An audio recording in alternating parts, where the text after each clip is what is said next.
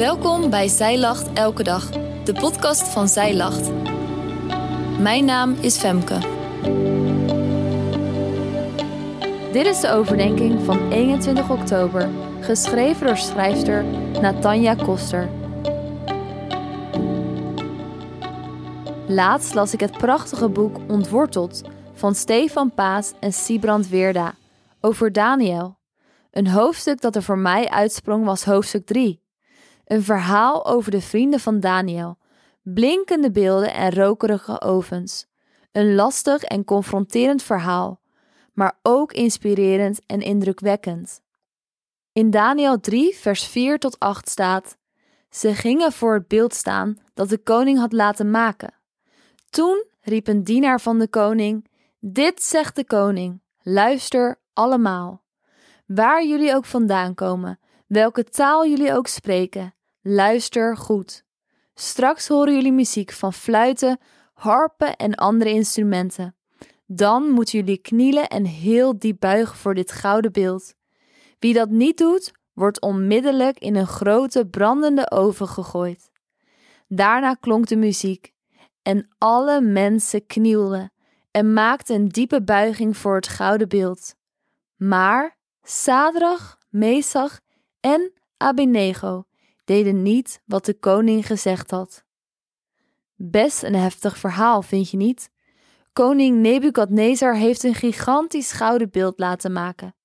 Hij pakt de inwijding van het beeld groot aan en laat allerlei muzikanten en belangrijke mensen komen. Iedereen buigt zich neer, behalve de drie vrienden, waarnaar ze worden aangeklaagd. Voor iedereen is het duidelijk wat voor gevolgen deze aanklacht zal hebben. De vrienden zien een vreselijke dood tegemoet. De tekst vertelt niet waarom de vrienden eigenlijk niet buigen voor het beeld van de koning. Vroeg jij je dat misschien ook af? Wat maakt dat nou uit? Even buigen voor dat beeld en je bent er toch vanaf? Is het echt het risico waard om in een oven gegooid te worden? Maar ook al vertelt de tekst niet waarom ze niet buigen, voor ons als lezers is dat duidelijk. Ze gehoorzamen de eerste twee geboden van God: om geen andere goden te vereren en geen beeld te laten maken. Al eerder in het boek Daniel komt naar voren dat Daniel en zijn vrienden het veel belangrijker vinden om trouw te blijven aan God dan te gehoorzamen aan de koning. In Daniel 3, vers 16 tot 8 staat een vers dat zo prachtig is. Hierin staat: De drie mannen zeiden tegen de koning: Voor ons is dat wel duidelijk. De God die wij dienen, kan ons redden uit uw macht. Maar zelfs als hij dat niet doet, dan nog zullen wij uw goden niet dienen. En wij zullen ook niet buigen voor uw gouden beeld. Wat een geloof hebben deze mannen. Of God hen nou redt of niet, niets zal hen overtuigen om God af te wijzen. Nebukadnezar wist precies hoe hij op de mensen in moest spelen. Hij bood hen niet alleen de schoonheid van het gouden beeld, maar zette hier ook de angst voor de brandende oven naast. Maar deze mannen hielden stand, want zij wisten wie hun God was.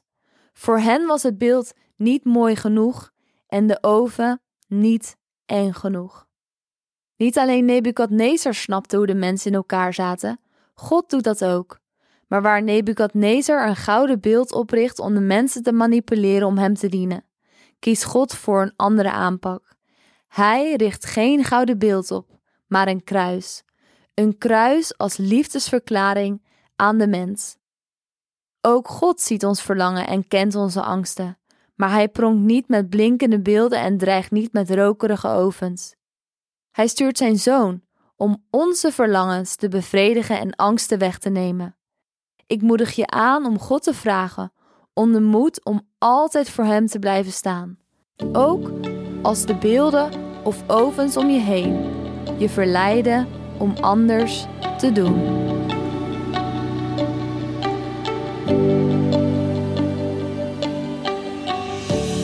Dankjewel dat jij hebt geluisterd naar de overdenking van vandaag. Wil je de overdenking nalezen? Check dan onze website. Je vindt er ook meer toffe dingen die jou helpen om de Bijbel vaker te openen, zoals boeken, Bijbels, cursussen en evenementen. Morgen ben ik weer bij je terug met een nieuwe overdenking. Tot dan!